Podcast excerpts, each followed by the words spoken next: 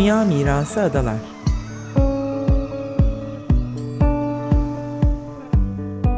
Hazırlayan ve sunanlar Derya Tolgay ve Nevin Sungur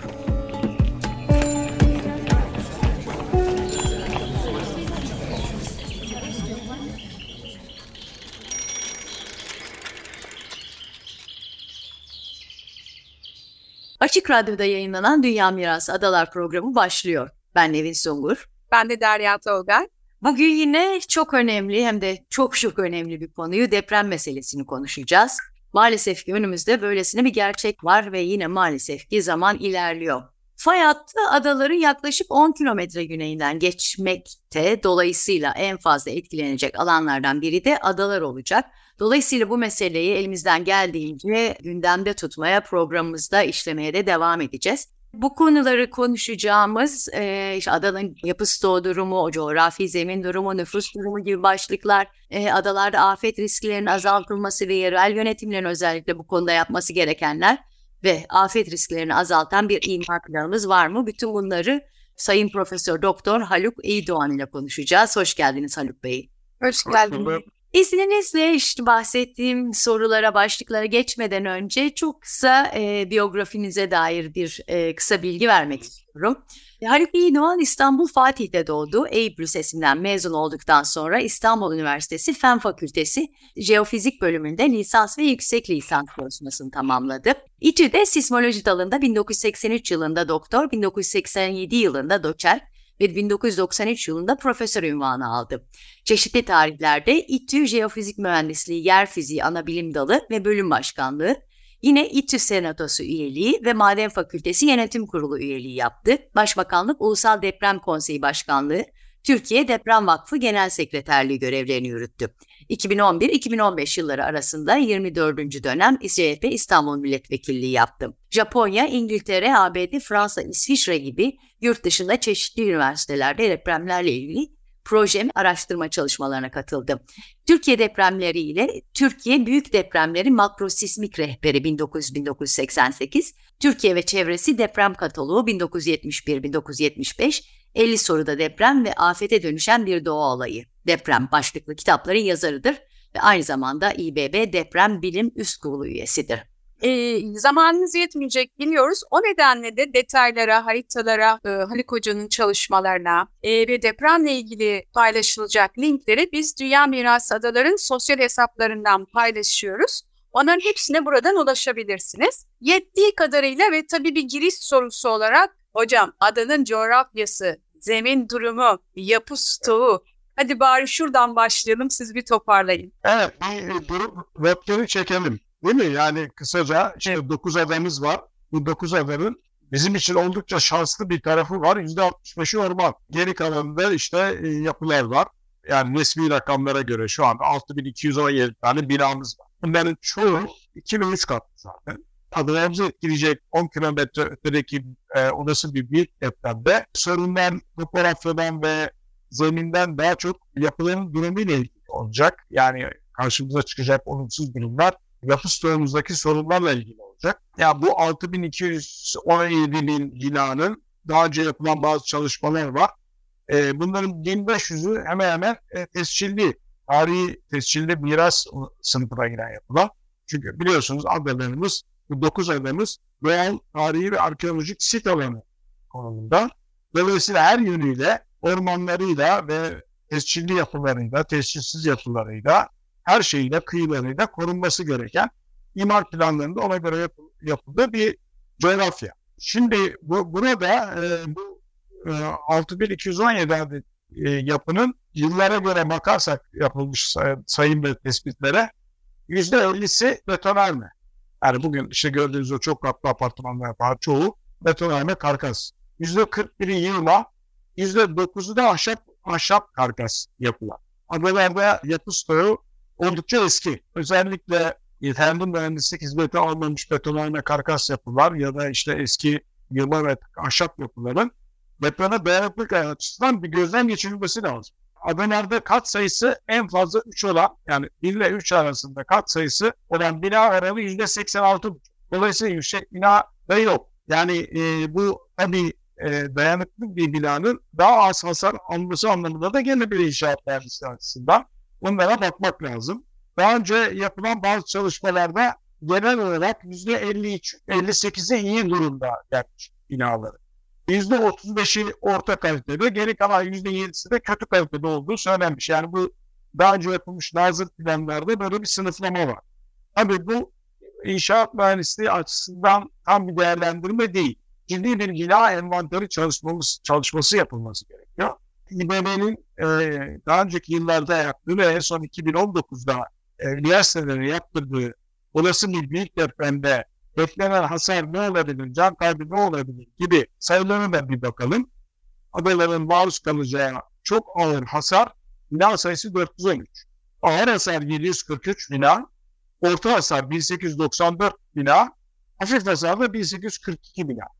Yani e, bu tespitlere göre baktığımız zaman bir deprem sonrası adalarda kullanılmaz duruma gelecek olan bina sayısı %49'u o depremden hemen sonra kullanılmaz duruma. O nedenle e, bizim bu e, ağır hasar yıkık olabilecek, ağır hasar olabilecek e, ve orta hasar alabilecek binaların hepsini birer birer tespit edip öncelikli projeler geliştirmemiz lazım. Yani yenileme, güçlendirme projeleri geliştirmemiz lazım.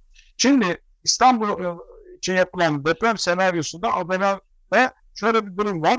16 bin nüfusa göre can kaybını hesaplamışlar. Halbuki adaların bir özel durumu var. Yazın bu sayı 30-40 bine çıkıyor biliyorsun. Ama senaryo 16 bine göre. Yani 16 bine göre can kaybı şöyle hesaplanmış. 76 kişi. Ağır yaralı 60, 61 kişi. Hafif yaralı 378 kişi hesaplanmış. Eğer biz yaz ayında böyle bir depreme maruz kalırsak o zaman bu sayıyı tahmin ediyorum 3 ya da 4 ile çarp. Can kaybı ve yaralılar. Şimdi e, böyle baktığımız zaman adalarda yani İstanbul'un diğer ilçelerine kıyasla kullanılmaz duruma gelecek bina stoğu sayımız 3050. %49'a karşılık geliyor. Yani orta hasar, ağır hasar, çok ağır hasar. Bu İstanbul'da en yüksek oran. Yani bina sayımız az, nüfusumuz az ama kullanılmaz duruma gelecek sayısı, bina sayısı mevcudu yarısı. Bu, bu, bu çok önemli. Adalar için e, bir an evvel güçlendirme ve e, iyileştirme konusunda depreme dayanıklı bir ada e, oluşturmak açısından baktığımız zaman acil bir durum. Bir de bunun dışında beklenen büyük depremde bir olumsuzluk daha var adalar için. E, her tarafı denizle çevrili olan bu adalar coğrafyasının ciddi bir tsunami ile karşılaşacağı da hesaplandı. Bazı noktalarda oldukça yüksek su basma seviyeleri hesaplandı. E, çeşitli modeller var. En kötüye göre baktığımız zaman mesela bazı yerlerde 10 metreyi geçiyor. 10 metreyi buluyor. 12 metreye ulaşan su basma seviyeleri. Yani deniz seviyesi üzerine 10 metre ekleyin su orada karaya o şekilde ulaşacak. Bazı yerlerde 200 metre içeri girebilecek su. Böyle yapılan hesaplar şunu gösteriyor. Kötümser model için konuşuyorum.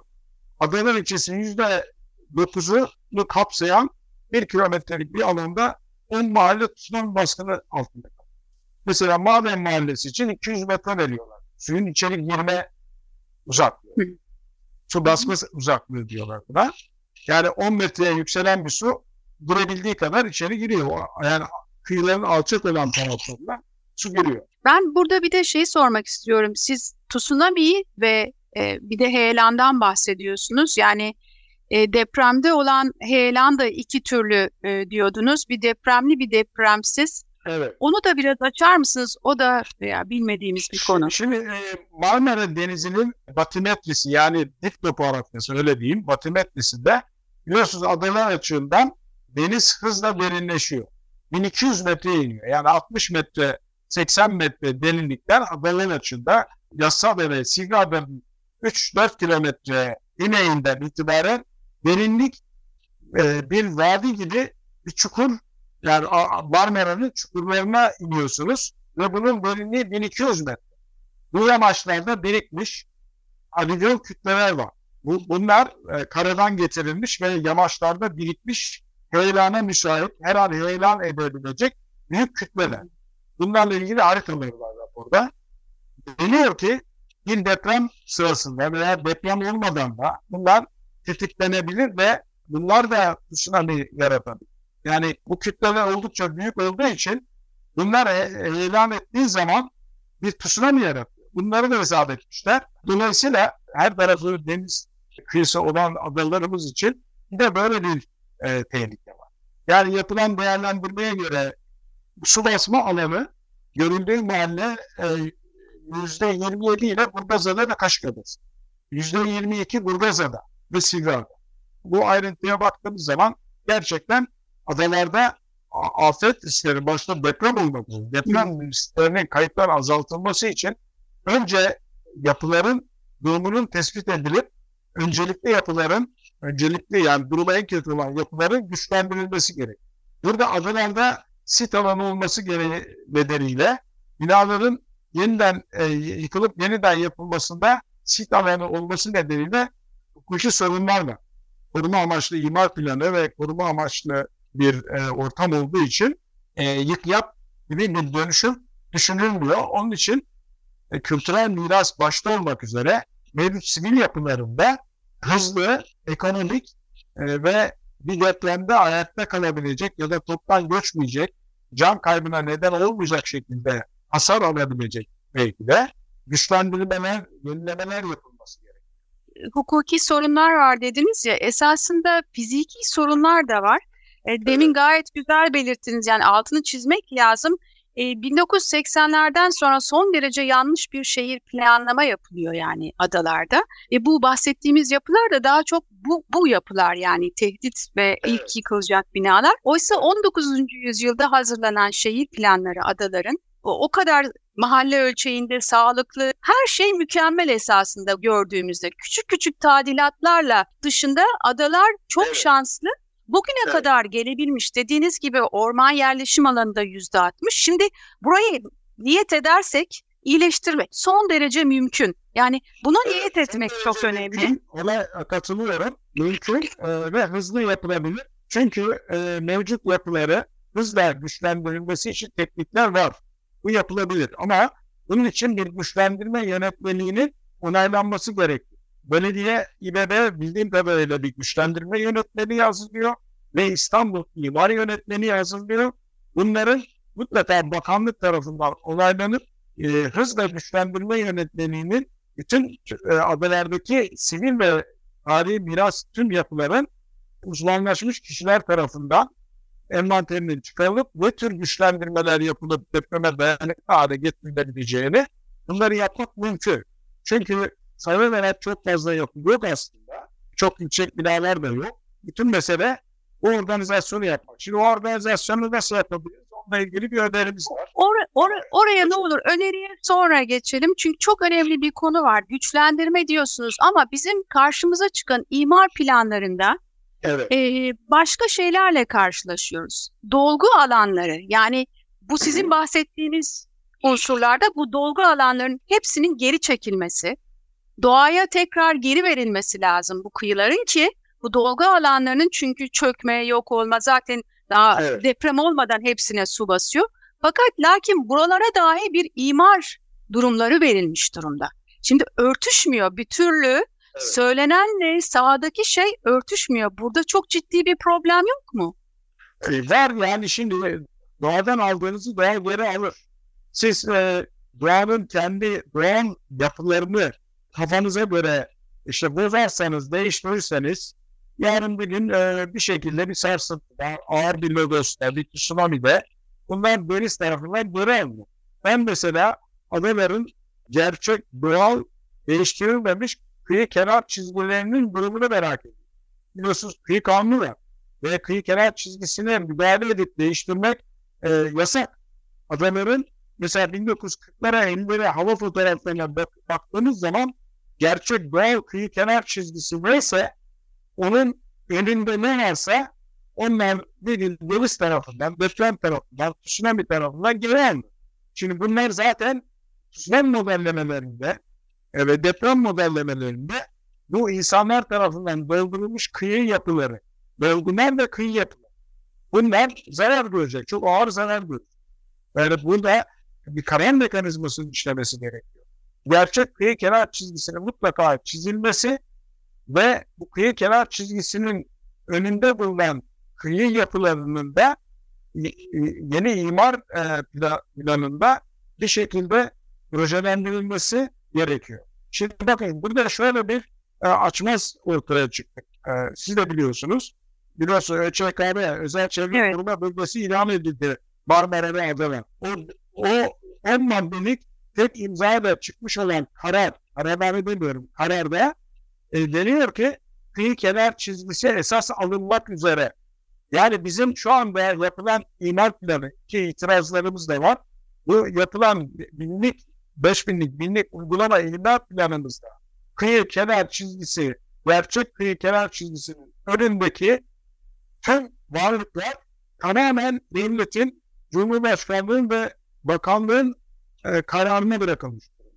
Yani yerel belediye bu kıyı kenar çizgisinin önündeki varlıklara müdahale edip plan yapamıyor o hale gelmiş.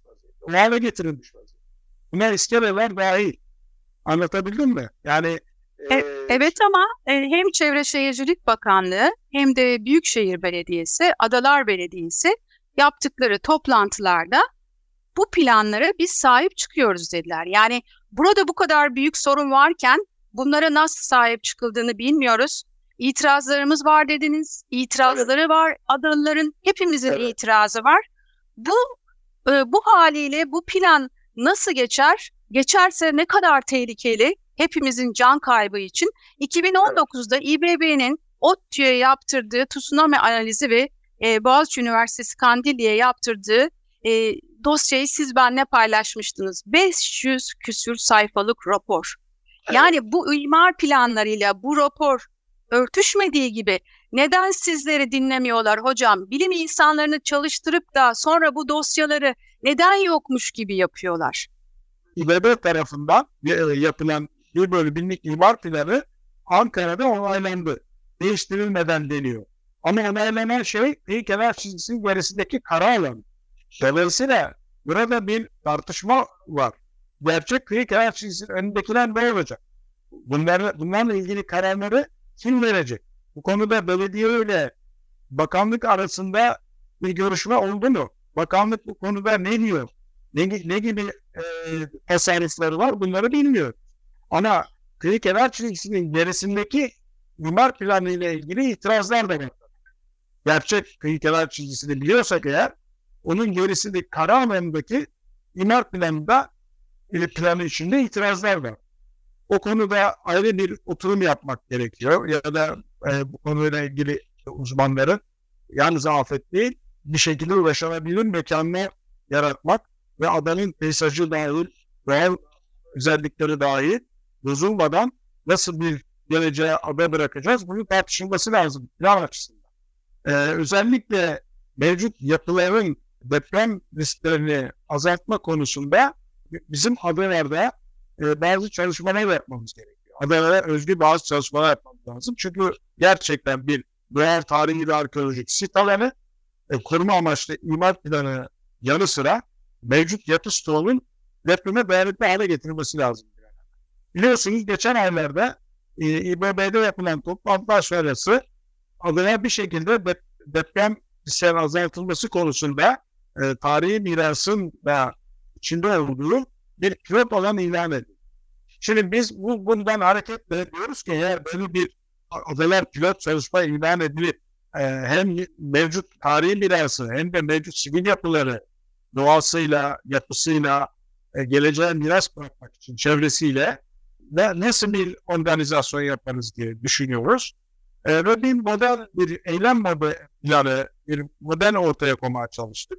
E, bunu, bunu da bir şekilde teklif ettik İBB'ye. Dedik ki ilgili kurumlar, başta İBB olmak üzere Adalar Belediyesi ve ilgili meslek kurumları ve gönüllü STK'ların işbirliğiyle ne yapabiliriz. Ve burada insan kaynakları, genelde katılım, e, tespit belgeleme, envanter çalışması, proje geliştirme ve gerektiğinde parsel bazında zemin etkileri konusunda, eğitim konusunda hukuk danışmanlığı ve finans danışmanlığı konularında bu başlıklar altında neler yapabiliriz üzerine biraz kafa çalıştırdık ve e, dedik ki e, yani üç ana başlık olacak. biri insan kaynakları, biri yerelde katılım, e, diğeri de adılerdeki yapı türlerine göre öneriler. Şimdi bu, çok güzel Haluk Bey. Umarız bunlar çok şeffaf şekilde e, gerçekleşir. Evet. Bu programın ismi de bu. E, yani Dünya Mirası Adalar diye ve 3 sene önce Adalar Belediyesi bunu Dünya Mirası Adalar girişimiyle beraber bakanlığa taşıdı bu dosyayı. Birçok kıymetli arkadaş hep beraber evet. çalışıldı, edildi ama evet. mesela e, planlarda bu dahi yok. Geçmiyor evet. yani. Bakın Türkiye'deki imar mevzuatıyla afet riskleri, deprem riskleri azaltamazsınız. Bu bir kere bunu baştan söyleyeyim.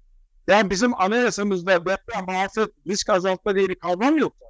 Anayasasında deprem, afet, risk azaltma, afetler risklerini azaltma gibi kavramlar olmayan bir ülkede onun altındaki yasalarda yasalarla siz ülkede afet risklerini azalt, azaltabilir misiniz? Azaltamadığınız belli. Mevcut imar planlama anlayışında ülkemizde risk azaltma olayı zaten yok yani. yani plan, planlama anlayışının değişmesi lazım. Bütün sektörel riskleri, toplumsal riskleri, yapısal riskleri, bütün bu riskleri belirleyip imar planlarına bunların işlenmesi gerek. Oraların imar açılmaması gerekiyor. Çevre planı olmadan imar planı nasıl oluyor? Oldu. Çevre düzeni planında çalıştım. 2007'de 6'da başladı. 2009'da İBB'den İstanbul'un çevre düzeni planı 100 bin İstanbul'un anayasası gibi alarak geçti ve çöpe atıldı. Yani İstanbul deprem master planı yaptık biz 2003'te. Benim, benim böyle binlik planı tartışırken bunun yukarıda üst ölçekli 50 bin, 100 binlikler, 50 binlikler, 25 bin, 5 binlikler önce onları devam etmek gerek. Eğer siz ne 100 binlik planınız yoksa bunun altında siz nasıl binlikte riskleri azaltacaksınız Derya? Hayal yani. Ya Türkiye'de daha profesyonel mühendislik yasası yok. Bakın müteahhitliği yasası yok. Sigorta sistemi ortada yok. O nedenle evet bir bölü binlik veya beş binlik planların ayrıntısına girip çok şey söyleyebiliriz. Ama üst plan yok. Ya da öyle bir kavram yok. Mevcut planlama anlayışı hemen klasik anlamda, konvansiyonel anlamda e, 20-30 yıldır yapılan planlama anlayışını. Bunu göstermek gerekiyor. E, ama bunun farkında olan çok insan var. Şehir plancılıkları içerisinde özellikle. O nedenle biz diyoruz ki adılarda bir büro kurun. Bu büroda uzmanlar olsun. Yerel katılım olsun. Burada tespit belgeleme ve muhabbet çalışması yapalım. Öncelikli alanlarda projeler geliştirelim. Arsen basında gerekirse zemin ötükleri yapalım. Hassasiyetlerde koruma ve güçlendirme tekniklerine yönelik eğitim toplantıları yapılsın. Hedef gelsin. Hukuk danışmanlığı lazım bu iş için. O bir arada bir hukuk danışmanı olacak. Yapı sahibi ve hak sahiplerine güçlendirme ve bina yenileme konusunda yasal prosedür konusunda danışmanlık hizmeti verecek. Finans danışmanlığı gerekiyor. E, bugün biliyorsunuz yani yenileme, dönüşüm ve güçlendirme ile ilgili nereden kredi alınacak? Hangi bankalar kredi verecek? Devlet bu iş arası bakıyor. Bunları da halledemedi. Siz yıllardır e, çalışıyorsunuz bu e, konularda bir sürü raporlar hazırlandı ve yani sizin gibi değerli birçok uzman artık dilinize tüy bitti. Yani e, yapılması evet. gerekenler biliniyor, e, yapılma yolları biliniyor ve bir taraftan da sürekli şunu vurguluyorsunuz. Yani zaman giderek azalıyor. Şimdi bütün bu konuştuklarınız, anlattıklarınıza rağmen sorunu çözecek e, adımlar düzgünce atılmıyor. Sizin gibi kıymetli bir sürü hoca aynı şeyleri söylüyor. Ama hep aynı noktada yapılması gerekenleri konuşuyoruz. Yani bundan sonrasında bir deprem yaşandığında o zaman her şey yine havada kalmış olacak değil mi? Evet yani zamana karşı bir yarış halindeyiz. 1999 depreminden sonra birçok çalışma yapıldı. Hala da devam ediyor. Yani bu Türkiye'de akademi üretiyor. Bu konularda tespitler yapıyor, stratejiler, eylem planları öneriyor. Ama bütün mesele bunun e, politik erk tarafından sistemi oluşturulup adım adım e, bu söylenenlerin yapılması gerekenlerin bu eylem planlarını işleme konulması gerekiyor. Bunu anlatmaya çalışıyorum. Yani biz Adalet ölçeğinde bu kışın 16 bin yazında 35 bin 40 bin nüfuslu %65'i orman olan ve depreme en yakın olan bir coğrafyada bir model öneriyor. Yani bu modeli gerçekleştirelim ve bütün ilçelere her yere örnek olsun. Yani bunun için de bizim bakanlık, İBB, yerel yönetimler ve e, buradaki bütün e, SPK'ların bu konuyla ilgilenenleri e, bir arada bu işi biz çözebiliriz. Bakın Türkiye'de sürdürülebilir, önemli, e, gerçekçi projelere bankalar da kredi. Yani e, mesela bu finans sorununu bakanlık bir türlü çözemedi. Aslında bazı yollar var. Bilinmedik bir şey yok. Biz bilinenleri bir şekilde tekrar tekrar söyleme noktasındayız maalesef. Spesifik bir önerdik. Ve bir teklifte bulunuyor. Bir evlen planı teklifinde bulunuyor. İBB'de yöneticilerin de bu tekliften bir haberi var. Madem pilot olan ilan edildi adalar, o halde bunu hızlandıralım. Ne engel var karşımızda? Hiçbir engel yok. Yeter ki amacımızı iyi belirleyip örgütlenmem, örgütlenelim. Aksi takdirde maalesef hep konuşup dururuz yani. Beklenen deprem İstanbul depreminin 7 küsür şiddetinde olacağı öngörülüyor. Adalarda hissedilme oranı ne kadar olur? 2019 itibariyle biliyorsunuz yeni deprem yönetmeni devreye girdi. Yeni hesaplar yapıldı. Adalarda beklenen yer hareketinin ivmesi yatayda maksimum 0.5 ile 0.6 G arasında değişiyor. Yani İstanbul'da en yüksek yer hareketine maruz kalacak bir coğrafyadayız. İstanbul'un kıyılarında bu 0.4 G falandır. Bizde 0.5 ile 0.6 G gibi çok yüksek bir değerle değer var. Dolayısıyla bunu, bunu iyi düşünüp şeyler yapmak gerekiyor.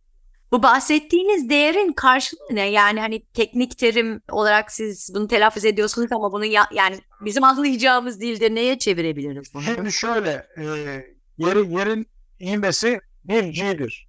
Eğer bir G'lik bir harekete maruz kalırsanız ayakta duramazsınız. Değil mi? Sizi zıplatır ve yatırır. Bunun yüzde altmışı ve maruz kalır. Binaların temelleri. Yani yüzde altmışı oranında bir yer ivmesine, hareketine, kuvvetine maruz kalır. Bu tabii kayada. Eğer sizin bulunduğunuz zemin kaya değil de biraz daha zayıfsa bu daha da büyüyor. Evet, bütün bunları tekrar tekrar düşünüp tekrar tekrar harekete geçmemiz gerekiyor diye işte sizin de çabanız o yönde, bizim de dile getirme çabamız o yönde. Hocam farkındalık çok önemli. Evet, evet. Ve talep etmek tabii sivil halk olarak. Evet, yani adalarda yaşayan insanların bu talebi canlı tutması lazım. Çok teşekkürler Haluk Bey programımıza katıldığınız için sağ olun. Yani bu mevzu konuşmakla bitecek bir şey değil ama hakikaten hareketli geçmek için de zaman giderek azalıyor maalesef. Bunu hep beraber bir kez daha dile getirmiş olalım. Çok teşekkürler. İyi yayınlar diliyorum. Hoşçakalın. Hoşçakalın. Adalar hepimizin. Adalar hepimizin.